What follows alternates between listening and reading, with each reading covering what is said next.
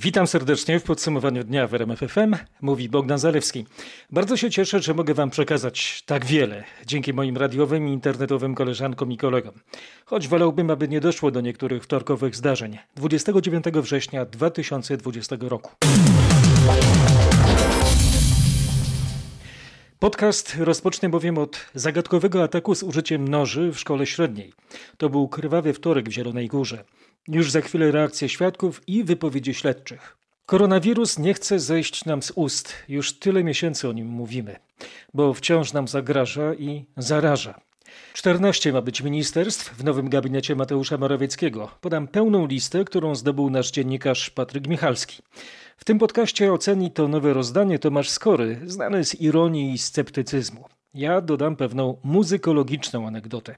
Ale dość zapowiedzi, czas biegnie, także ten liczony na słynnych drogich zegarkach byłego ministra transportu, Sławomira Nowaka.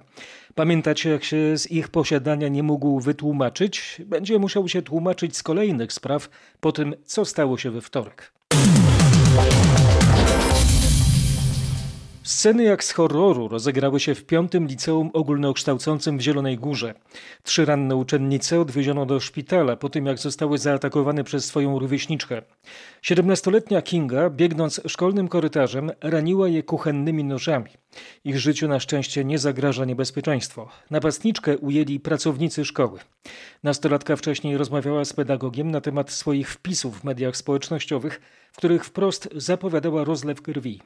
Tak całą sytuację opisała dyrektor 5 LO w Zielonej Górze Kamila Jur. Informacje o tym, że pojawiają się jakieś niepokojące teksty uczennicy zostały przekazane wychowawcy. Wychowawca poinformował rodziców, rozmawiał z rodzicami. Niczego niepokojącego w tym nie zauważyli. Absolutnie nie chciała nam nic powiedzieć. Ona wykorzystała moment nieuwagi, kiedy pani pedagog zapytała ją o to, czy jest gorąco i otworzyła okno i uciekła, wbiegła do sali z plecaka, zabrała noże, nastąpił atak. Licealiści potwierdzają, że dziewczyna powtarzała swoje niejasne groźby w internecie. Jeden to straszne to było te, na Snapchacie to udostępniało te jakieś, że coś się wydarzy. Było mówiąc, co się wydarzy jutro, to się wydarzy zaraz i tego. Ale tego nikt nie traktował na poważnie, bo to ciężko traktować na poważnie jest. Usłyszeliśmy biegania, piszczenia, krzyczenia, jeszcze nie wiedzieliśmy na początku o co chodzi, ale no domyśleliśmy się, że coś się stało, więc pani wyszła, chciała zobaczyć co się dzieje, kazała nam zostać w klasie, no a później tak naprawdę po pół godziny się dowiedzieliśmy co się stało. O dalszym biegu sprawy lakonicznie poinformowała naszego reportera Mateusza Chłystuna Małgorzata Barska, rzecznik zielonogórskiej policji. Wyjaśniamy okoliczności i motywy działania sprawczyni. Jest to osoba nieletnia. Sąd rodzinny podejmie decyzję, czy za ten czyn będzie odpowiadała jak osoba nieletnia, czy jak osoba dorosła. Wejdźcie na naszą stronę internetową na rmf24.pl. Piszemy szeroko o tym dramatycznym incydencie. Możecie zobaczyć zdjęcie szkoły w Zielonej Górze, a także ekran smartfona z groźbami Kingi po angielsku. Tomorrow, exactly at this time, the slaughter will begin. Jutro, dokładnie o tej porze, rozpocznie się rzeź. 36 osób zmarło ostatniej doby na COVID-19. Zaraziło się w Polsce 1326 osób. Od 4 marca, czyli początku epidemii w Polsce, bilans zakażonych wzrósł do 89 962 osób. Od tego czasu śmierć w wyniku choroby poniosło 2483 zakażonych, wyzdrowiało 68 955 chorych. Ministerstwo Zdrowia po dwóch tygodniach zmienia swoją strategię walki z pandemią i na nowo określi ścieżkę postępowania z choroby na COVID-19. Lekarze rodzinni zamiast odsyłać każdego pacjenta z dodatnim wynikiem testu na koronawirusa do szpitala zakaźnego, będą mogli kierować takie osoby na izolację. Nasz reporter wyjaśni, jaki jest powód takiej zmiany. Dotychczasowa strategia niemal sparaliżowała oddziały zakaźne i obserwacyjno-zakaźne. Ministerstwo zalecało bowiem, by lekarz rodzinny kierował do szpitala każdego pacjenta z dodatnim wynikiem testu, niezależnie od jego stanu. Żeby wydolność naszego systemu nie była zagrożona. Przyznaje minister Niedzielski, dlatego teraz po teście, gdy wynik będzie już dodatni, lekarz rodzinny ma mieć wybór izolacja albo szpital, w zależności od stanu pacjenta. Czyli już decyzję o izolacji nie wydaje tylko i i wyłącznie lekarz zakaźnik, ale w gruncie rzeczy każdy lekarz. Nieznacznie zmienią się zasady kierowania pacjentów na testy przez lekarzy rodzinnych. Wymóg czterech objawów kaszel, gorączka, duszności i utrata smaku i węchu nie będzie konieczny, by zlecić test po teleporadzie, ale tylko w strefach czerwonych i być może żółtych. Generalnie chcemy zróżnicować warunki dokonywania zleceń w poszczególnych strefach. Nad żółtą się jeszcze zastanawiam. Mówi minister zdrowia Warszawa Mariusz Piekarski.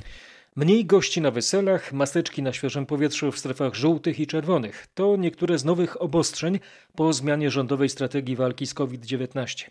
Więcej o tych restrykcjach opowie Paweł Balinowski. W strefie zielonej, czyli niemal w całym kraju, limit gości na weselach spada ze 150 do 100, w żółtej ze 100 do 75. Czerwona strefa w tym zakresie bez zmian 50 osób, ale tam dochodzą zupełnie nowe obostrzenia. Bary, restauracje i puby mogą być otwarte maksymalnie do 22, to jednak nie koniec. Trzecia modyfikacja obostrzeń to jest obowiązek zasłaniania ust i e, nosa na wolnym powietrzu. Do tej pory taki obowiązek był tylko w czerwonej strefie. My chcemy ten obowiązek poszerzyć również na strefę żółtą. Mówił Adam Niedzielski, minister zdrowia. Rozporządzenia wprowadzające te zmiany mają pojawić się jeszcze w tym tygodniu. Resort zapowiedział też nowy sposób postępowania z pacjentami, u których potwierdzono koronawirusa. Nie trafią oni od razu do szpitala zakaźnego, tylko wrócą do lekarza POZ, który zdecyduje co dalej. Powtarzam, 50 osób w powiatach ze strefy czerwonej, 75 w żółtej i 100 w zielonej. Tyle osób będzie mogło spotykać się na weselach i innych imprezach. Decyzję ministra zdrowia chwalił w RMFFM immunolog dr Paweł Grzesiowski, ale przekonywał, że podobne zasady powinny objąć największe miasta, takie jak Warszawa. Tak samo jak w Gdańsku, Krakowie, Wrocławiu, Poznaniu czy Łodzi, będziemy mieli bardzo dużo zachorowań, a wciąż będziemy w strefie zielonej. To jest gruby błąd, który już dawno powinien być naprawiony, bo to już w tej chwili widać, że miasta produkują stosunkowo relatywnie wysoką liczbę zachorowań w stosunku do innych powiatów. Czyli Pana zdaniem w takich miastach jak Warszawa, Gdańsk, Katowice czy Poznań te obostrzenia powinny być wprowadzane e, wcześniej? Od moim zdaniem 5 września powinniśmy już funkcjonować w strefie żółtej, przynajmniej w Warszawie i w Krakowie. Gdańsk w tej chwili, czy Trójmiasto jest e, w trudnej sytuacji. Za chwilę powrócę do tematów związanych z koronawirusem, a na razie oderwijmy się od tej problematyki. Na posiedzeniu Rady Koalicji ostatecznie zaakceptowano skład rządu, poinformowała we wtorek po południu, po zakończeniu posiedzenia Rady, rzeczniczka PiS Anita Czerwińska. Rada Koalicji zebrała się po godzinie 14, by omówić podział resortów i funkcjonowanie rządu po rekonstrukcji. W spotkaniu, które trwało mniej więcej godzinę, uczestniczyli prezes Prawa i Sprawiedliwości Jarosław Kaczyński, premier Mateusz Morawiecki oraz szefowie Solidarnej Polski i Porozumienia Zbigniew Ziobro i Jarosław Gowin. W RMFFM już rano ujawniliśmy, jak będzie wyglądał skład nowego rządu Mateusza Morawieckiego. Według naszych informacji będzie w nim czterech wicepremierów: Jarosław Kaczyński, Jarosław Gowin, Piotr Gliński i Jacek Sasin. Zlikwidowane zostanie Ministerstwo Sportu. Będzie ono połączone z resortem kultury. Kierował nim będzie, tak jak do tej pory, Piotr Gliński. Do rządu wraca lider porozumienia Jarosław Gowin. Ma on pokierować resortem rozwoju, pracy i turystyki. Resorty środowiska i klimatu mają zostać połączone w jedno ministerstwo. Według naszych informacji pokieruje nim Michał Kurtyka. Kolejna uzgodniona zmiana dotyczy resortu rolnictwa. Jak ustaliliśmy, Jana Krzysztofa Ardanowskiego zastąpi w nim Grzegorz Puda. W ramach zmniejszenia liczby ministerstw połączone zostaną resorty edukacji i nauki. Dziennikarze RMFFM ustalili, że kompetencje Dariusza Piątkowskiego i Wojciecha Murcka przejmie poseł PiS Przemysław Czarnek. Według naszych ustaleń z rządu do Kancelarii Prezesa Rady Ministrów ma odejść Michał Woś. Na nowym stanowisku ma odpowiadać za sprawy obywatelskie. Koniecznie obejrzyjcie całą poranną rozmowę Roberta Mazurka z senatorem Prawa i Sprawiedliwości Stanisławem Karczewskim. Ja wybrałem dwa fragmenty. Robert od razu podążył swoimi torami. Na początku trudne pytanie. Proszę o rozszyfrowanie skrótu PKP. No PKP to Prezydium Komitetu Politycznego. Wczoraj się odbyło. Najściślejsze władze Prawa i Sprawiedliwości. Mhm, tak, tak, tak to jest. Dziś będziemy mieli Radę e, Koalicyjną, skład Rady Koalicyjnej, z której wchodzi PKP, e, plus po dwóch, trzech przedstawicieli. Nasz dziennikarz zadawał trudne pytania, ale był też moment, gdy chciał oddać inicjatywę swojemu gościowi. To może pan zarekomenduje nam wszystkim e, Jarosława Gowina na stanowisko ministra, e, ministra rozwoju. To będzie Panie trzeci redaktorze, resort ale ty, tak, u trzeciego premiera, który będzie obejmował Jarosław Gowin. ale, e, Ma pan na to 20 sekund. Panie redaktorze, e, jest to stanowisko polityczne i pan e, e, minister, premier e, Jarosław Gowin jest niezwykle doświadczonym politykiem i poradzi sobie w każdym ministerstwie i również w tym ministerstwie. Każdym sobie poradzi. Takie, ale to, ale, to, ale to mówię z pełnym przekonaniem, dlatego że jesteśmy politykami, panie, e, panie redaktorze. My nie. Ja, my, ja mówię o naszym środowisku, no, ja jestem e, politykiem. No to ustaliliśmy już, że nasi dziennikarze nie są politykami, recenzują polityczne decyzje. Tak jak Tomasz Skory, którego dziwią pewne decyzje w nowym rządowym rozdaniu. Które? Na przykład zniknięcie powołanego niecały rok temu resortu funduszy i polityki regionalnej i ponowne połączenie rozdzielonych wtedy resortów środowiska i klimatu. Jedno z drugim wygląda na przyznanie się do błędu mnożenia bytów. Dziś dochodzi do ich redukcji i to też dość dyskusyjnej. W jej wyniku w rządzie będzie więcej wicepremierów niż dotąd, a w kancelarii premiera ma się pojawić stanowisko ministra do spraw samorządów, które wcześniej nie istniało. Zmiany zaskakują też na przykład tym, że Ministerstwo Sprawiedliwości zostaje uznane za resort siłowy, a są też inne zadziwiające efekty. Do ministra rozwoju mają na przykład trafić sprawy budownictwa, pracy i turystyki, gospodarka morska do rolnictwa, a resort sportu ma być częścią Ministerstwa Kultury i Dziedzictwa Narodowego. Rekonstrukcja trochę przypomina rozdanie nowej, mniejszej liczbie graczy tej samej ilości kart po bardzo dokładnym przetasowaniu. Ja też mam skojarzenie z grą, ale inną, na organach. 14 ministerstw. Czy wiecie, że czternastka to liczba zakodowana w bardzo wielu utworach Jana Sebastiana Bacha? Genialny kompozytor uważał je za podpis. A równa się 1, B równa się 2, C równa się 3, H równa się 8. W takim razie B plus A plus C plus H daje 14 w sumie. Twórca wykorzystywał następstwo dźwięków, takich jak B, A, C, H. O kulturze oczywiście będzie w tym podcaście jeszcze, yy, ale zostawiamy na razie klucz wiolinowy i sięgamy po klucz do celi. Środę korupcyjne zarzuty ma usłyszeć były prezes PKN Orlen Dariusz K. We wtorek zatrzymano go wraz z byłym członkiem zarządów spółek energetycznych Wojciechem T., a także byłym dyrektorem marketingu Orlenu Leszkiem K.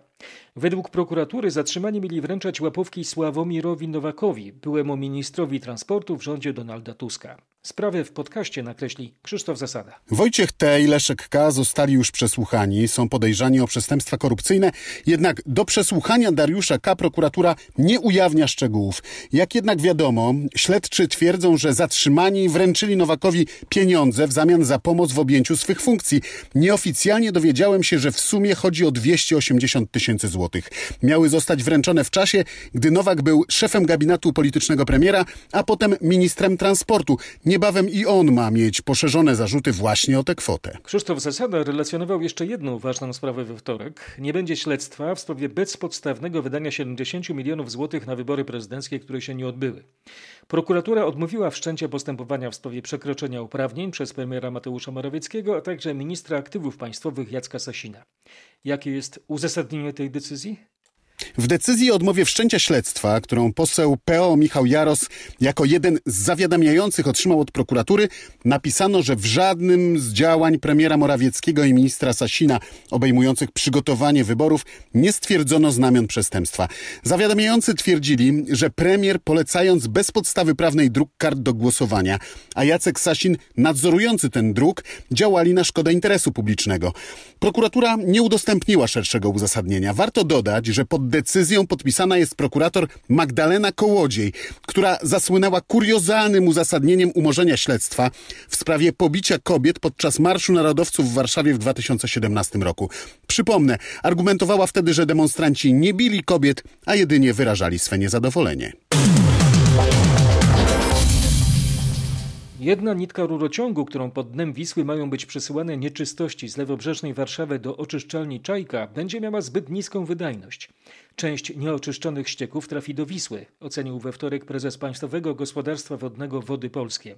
Przemysław Daca przypomniał na Twitterze, że stołeczne miejskie przedsiębiorstwo wodociągów i kanalizacji zamierza do końca listopada wybudować jedną nitkę kolektora pod dnem Wisły.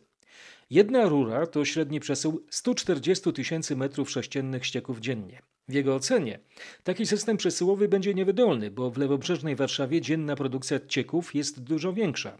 Jedna rura to wielki błąd, ocenia szef wód polskich.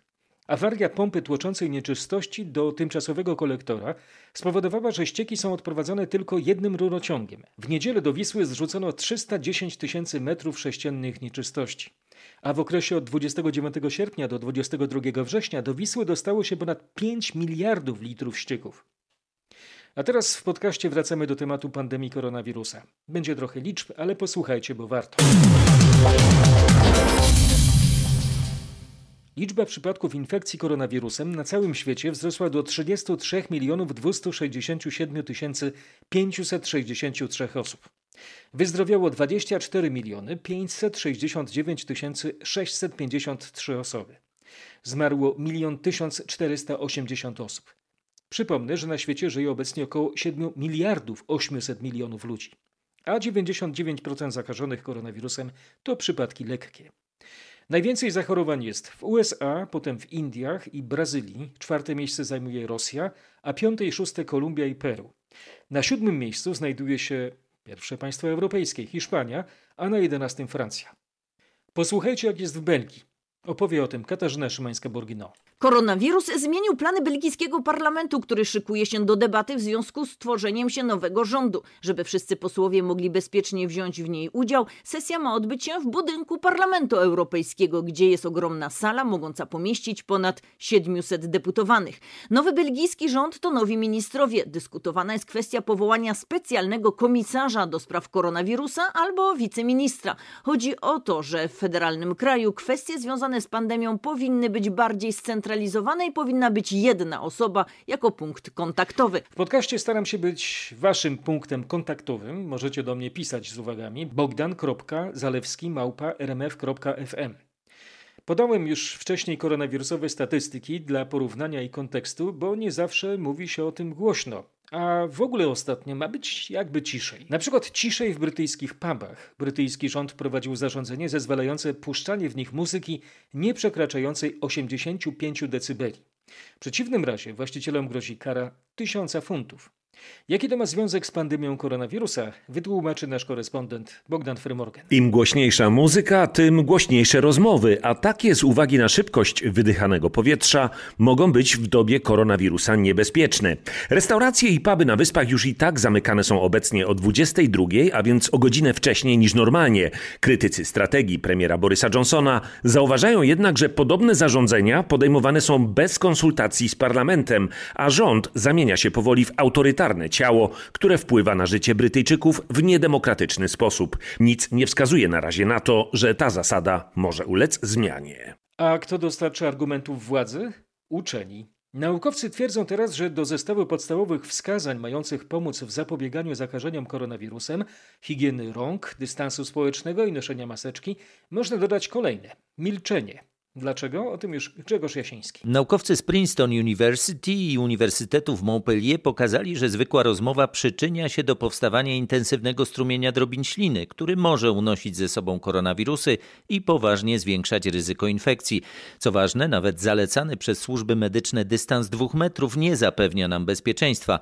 Inaczej mówiąc, nie trzeba kichać lub kaszleć, by zakażać, wystarczy rozmawiać w zamkniętym, nie dość dobrze wentylowanym pomieszczeniu. Co ciekawe, wypowiadanie niektórych niektórych głosek prowadzi do szczególnie intensywnej emisji aerozolu. Warto uważać szczególnie na słowa na literę P. I warto zakładać maseczki. One pomagają utrzymać potencjalnie groźny aerozol przy sobie. Pamiętam, podając Państwu przydatne porady. Po pierwsze, przebywam poza Państwa pomieszczeniem, ponadto posiadam parawan pomocny przy prezentowaniu problemów. Podsumujmy pozostałe. Problemów pogotowia przy granicy niemiecko-polskiej nie będzie. W Urzędzie Wojewódzkim w Szczecinie podpisano pierwsze porozumienie o współpracy. Do tej pory niemiecki ambulans nie mógł przywieźć pacjenta do szpitala w Polsce, bo nie pozwalały na to przepisy. Aneta Łuczkowska wyjaśni, co teraz się zmieni. Nie będzie już dochodziło do tak kuriozalnych sytuacji, gdy na granicy trzeba było przenosić pacjenta z niemieckiego ambulansu do polskiej karetki, żeby mógł trafić do najbliższego szpitala. W przypadku powiatu Vorpommern-Greifswald obejmującego północno-wschodni róg Niemiec to o tyle istotne, że gdy na przykład dochodzi do wypadku na wyspie Uznam, do szpitala w Świnoujściu jest trzy razy bliżej niż do kliniki w Greifswaldzie. Umowa między województwem zachodniopomorskim a niemieckim powiatem to na razie pilotaż, ale chęć podpisania pod podobnych porozumień deklarują już też inne przygraniczne regiony Niemiec. Teraz karetki z Niemiec będą mogły dowodzić pacjentów do szpitali w Polsce, a polskie do szpitali w Niemczech. Te same reguły będą dotyczyły dojazdu do wypadków w przygranicznych miejscowościach. Wtorek to był dzień hipochondryka. To nie jest temat do kpin. Hipochondria jest zaburzeniem nerwicowym. Osoby, które na nią cierpią, koncentrują się na swoich dolegliwościach, często mylnie interpretują objawy, odczuwają duży lęk o swoje zdrowie i życie. Często szukają także diagnozy na własną rękę. Internet przyczynia się do tego, to coraz powszechniejszy problem. Po wykluczeniu chorób fizycznych podstawą leczenia hipochondrii jest psychoterapia. Tłumaczy Justyna Soroka, psycholog ze szpitala miejskiego nr 4 w Gliwicach. Duże znaczenie ma rozmowa z osobą chorą oraz wyjaśnienie jej, że niektóre objawy ze strony organizmu są związane z przeżywanym stresem, który daje objawy fizjologiczne, bóle głowy, brzucha, duszności czy też zawroty głowy i nie oznaczają od razu poważnej choroby. Hipochondrycy, zostawcie to samotne szukanie własnych dolegliwości w internecie. Posłuchajcie lepiej w sieci takich wypowiedzi i oczywiście zwróćcie się do lekarza. W środę w cyklu Twoje zdrowie razem z naszymi ekspertami przypomnimy Wam, że warto dbać o własne stopy. Czasami sami robimy sobie krzywdę źle dobierając obuwie, czy nieumiejętnie obcinając paznokcie. Niektórzy po prostu przyciasne obuwie nie wiedzą, jaki mają rozmiar stopy, nieraz za małe obuwie noszą. Często jest, że drugi palec jest dłuższy od dużego palucha. Zazwyczaj jesteśmy zwyczajni, że buty dobieramy do dużego palucha, a nieprawda, powinniśmy dobierać do najdłuższego palca. I szpilki za wysokie też nie są zbyt dobre, niestety. Jakie jeszcze błędy popełniamy, jeżeli chodzi o nasze stopy? Wrastające paznokciem. Wystarczy nieraz nauczyć y, pacjenta, jak obcinać paznokcie. Czy na prosto, żeby po prostu naokoło na pewno nie wycinał, bo to wtedy najczęstsza przyczyna. Z podolog Dominiką Strużyńską rozmawiał nasz reporter Piotr Błakowski. Lepiej słuchać podologa, by stąpała pewnie noga. Ale pamiętajmy, że to nie jest dobre hasło hulaj noga, piekła nie ma.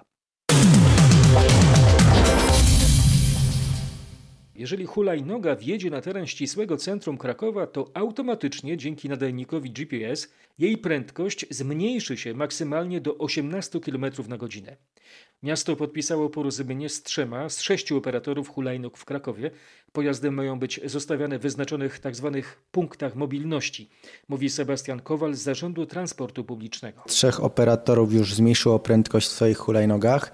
Wygląda to w ten sposób, że każda hulajnoga jest połączona za pośrednictwem GPS-a do, do systemu ogólnego i w miejscach, w których wyznaczyliśmy, czyli na przykład planty, parki krakowskie, miejsca, gdzie jest większa ilość pieszych, ta hulajnoga stopniowo zwalnia. Urzędnicy podkreślają, że to ważne porozumienie, bo hulajnóg jest coraz więcej. Samorząd nie ma jednak możliwości prawnych, by takie działania nakazać odgórnie. Umowa między miastem a operatorami jest dobrowolna. Dał nogę w Norwegii, ale go złapali. Polak, który uciekł z norweskiego więzienia, został zatrzymany w Gliwicach na Śląsku. Poszukiwano go europejskim nakazem aresztowania. Marcin Buczek w Komendzie Wojewódzkiej w Katowicach dowiedział się, jak długo mężczyzna się ukrywał. Mężczyzna skutecznie mylił tropy i często zmieniał miejsce pobytu przez prawie rok. Ukrywał się w Polsce oraz w Czechach. W Norwegii został skazany na ponad 3 lata więzienia za posiadanie narkotyków. To było jesienią 2017 roku. Dwa lata później mężczyzna ławką uszkodził więzienne ogrodzenie i uciekł. Ostatecznie został zatrzymany w wynajmowanym przez siebie mieszkaniu w Gliwicach. Jak się okazało, również tu w Polsce był poszukiwany przez policję w Lublińcu i Rybniku za kradzieże samochodów oraz przestępstwa gospodarcze. Niecodzienna akcja policji we Wrocławiu. Funkcjonariusz wskoczył do jadącego samochodu, za którego kierownicą siedział kompletnie pijany kierowca. Tę sytuację w szczegółach opisze nam Paweł Pyclik. Był środek nocy. Mundurowi podejrzewali, że kierowca auta stojącego przed skrzyżowaniem jest pijany albo coś mu się stało. Wyglądał jakby zasnął czekając na zielone światło. Nie reagował na pukanie w okno czy dach. Samochód w pewnym momencie ruszył. Funkcjonariusze wybili szybę, a jeden z nich wskoczył do środka. Auto udało się zatrzymać tuż przed torowiskiem. 35-letni wrocławianin miał ponad 2 promile alkoholu. Trafił do aresztu. Grozi mu do dwóch lat więzienia. A teraz pełna kultura, choć będzie o złym. Nowej scenicznej adaptacji powieści Leopolda Tyrmanda – Grzecznie mówimy dzień dobry Katarzynie Sobiechowskiej-Szuchcie. Dzień dobry. Premierę przygotowuje na sobotę Bielski Teatr Polski w reżyserii Piotra Ratajczaka i będzie to pierwsza premiera w nowym sezonie. Adaptacja kultowej powieści Tyrmanda przeniesie widza w świat powojennej Warszawy lat 50. Miasto próbuje odrodzić się z ruin, Ciemna strona stolicy stanie się scenografią dla działań warszawskiego półświadka, tańczącego w rytm szalonej jazzowej muzyki tamtych lat. A wśród bohaterów pojawi się tajemniczy tytułowy zły, samozwańczy detektyw i jedyny sprawiedliwy w mieście. Co jest najważniejszym literackim gatunkiem dla radia? Zgadliście. Słuchowisko. Słuchowisko muzyczno-dokumentalne w tramwaju kursującym między Katowicami a Sosnowcem przygotowują wspólnie Teatr Śląski w Katowicach i Teatr Zagłębia w Sosnowcu. Premiera 11 października. Tramwaj zawiezie widzów do Teatru Zagłębia na gościnny spektakl w reżyserii dyrektora Teatru Śląskiego Roberta Talarczyka, Piąta Strona Świata. Przedstawieniem Zagłębia, które zagości w Teatrze Śląskim w grudniu będzie Korzeniec w reżyserii Remigiusza Brzyka. Chciałbym to mieć we własnej płytotece. A wy? Jeden z najwybitniejszych pianistów naszych czasów, Lang Lang, wydał nowy album. Płyta At The Movies to wybór przebojów muzyki filmowej, a artyście towarzyszą takie gwiazdy jak Tuchellos czy Herbie Hancock.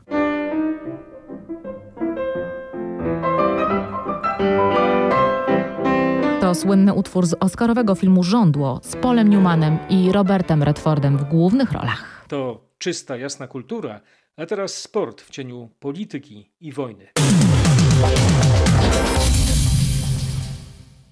Piłkarze Karabachu w czwartek zagrają z Legią o awans do fazy grupowej Ligi Europy. Zawodnikom udało się wystartować z Azerbejdżanu mimo zamknięcia strefy powietrznej, co spowodowane jest konfliktem z Armenią o Górski Karabach. Władzom Azerbejdżanu jednak bardzo zależy na rozegraniu czwartkowego spotkania. Zaznacza Mieszko Rajkiewicz z Instytutu Nowej Europy. W ich interesie jest to, żeby klub odnosił oczywiście sukcesy na arenie europejskiej. Natomiast sam klub reprezentuje sporny region, oczywiście jest azerski od samego początku, a samo miasto Agdam większość swojej historii było generalnie azerskie, natomiast cały region, jeśli myślimy o Karabachu, był ormiański. To jest też narzędzie PR-owe w rękach władz z Baku? O, to zdecydowanie. Nawiązując trochę do tej koncepcji soft power w stosunkach międzynarodowych, oznacza ona skłanianie do realizacji własnej polityki zewnętrznej poprzez działania organizacji pozarządowych. Za taką oczywiście też możemy uznać klub sportowy. Z ekspertem zajmującym się związkami sportu z polityką rozmawiał Paweł Pawłowski. Było o Górskim Karabachu, teraz o górskim regionie Europy. Niecodzienna akcja ratunkowa we francuskich Alpach. Ponad 7 tysięcy owiec i krów z pasterzami utknęło po śnieżycach na wysokości blisko 2000 metrów. Co teraz z tymi biednymi ludźmi i zwierzętami? Marek Gładysz. Według merostwa znajdującego się w pobliżu alpejskiego kurortu Saint-Colombon de Villers sprowadzenie zwierząt z górskich stoków pokrytych śnieżną powłoką o grubości ponad metra może być bardzo skomplikowane i trwać będzie co najmniej tydzień. Trzeba będzie im bowiem torować drogę. Dlatego też najpierw przetransportowano na ośnieżone stoki ponad ćwierć tony paszy, by czekające na ratunek owce i krowy nie cierpiały z powodu braku pokarmu. Śnieg spadł też w wyższych partiach teatr. Biało było w Karkonoszach. Możecie to zobaczyć na rmf24.pl. Ale są takie miejsca w Polsce, gdzie za nic mają zmieniające się sezony, chłód im niestraszny, deszcze, nie wiatr. Na nadwiślańskiej plaży na stołecznej Białołęce ustawiono małą architekturę i urządzenia do zabaw dla dzieci. Władze dzielnicy żałują, że nie stało się to latem, ale mają nadzieję, że mieszkańcy skorzystają z niej w słoneczne jesienne dni. Projekt plaży nad Wisłą na Białołęce został wyłoniony w 2017 roku w ramach budżetu partycypacyjnego, dzisiaj obywatelskiego. Na jego realizację przeznaczono 100 tysięcy złotych. Budowę zlecono spółce miejskiej Zarząd Zieleni Miasta Stołecznego Warszawa. Ta wykonała zadanie w grudniu 2019 roku, jednak już w połowie lutego tego roku urządzenia małej architektury, m.in. stół z ławkami, piaskownica w kształcie łodzi, szałasy, stoliki do gier, które na niej ustawiono, zostały zdemontowane. Oficjalnym powodem była ich konserwacja. W ubiegłym tygodniu urządzenia te powróciły na plażę pomalowane impregnatem. Na mieszkańców czekają hamaki, ławki, miejsca do grillowania, boisko do siatkówki plażowej. Dla dzieci jest piaskownica w kształcie łodzi i zjeżdżalnia. We wtorek w południe na plaży była jedna osoba. Dobrze, że jest taka plaża. Tylko dlaczego dopiero na jesień? O ile pamiętam, to poprzednią wybudowano w grudniu. Może trzeba było wydać pieniądze przed końcem ubiegłego roku, mówi mieszkanka Nowodworów. Polska Agencja Prasowa zwróciła się o komentarz do władz dzielnicy Białołęka. Lepiej by było, gdyby plaża powstała w sezonie letnim, ale i tak się cieszymy, kiedy udaje się zrealizować projekty w ramach budżetu partycypacyjnego, obecnie obywatelskiego, powiedziała rzecznik dzielnicy Białołęka Marzena Gawkowska. Wyraziła przekonanie, że mieszkańcy będą korzystali z niej w ciepłe, jesienne dni. Podkreśliła, że to nie dzielnica była odpowiedzialna za realizację inwestycji. Rzecznik ratusza Karolina Gałecka nie chciała się wypowiadać na temat realizacji tej inwestycji. A ja widząc oczyma duszy tę małą architekturę na nadwiślańskiej plaży, tęsknym głosem nucę utwór Ireny Santor. Już nie ma dzikich plaż i gwarnej kafejki przy molo. Nie jedna znikła twarz i wielu przegrało swą młodość. Ale dość melancholii, w środę będzie lepiej. Zobaczycie, usłyszycie, mam nadzieję, w podsumowaniu dnia w RMF FM. Kłaniam się nisko. Bogdan Zarewski.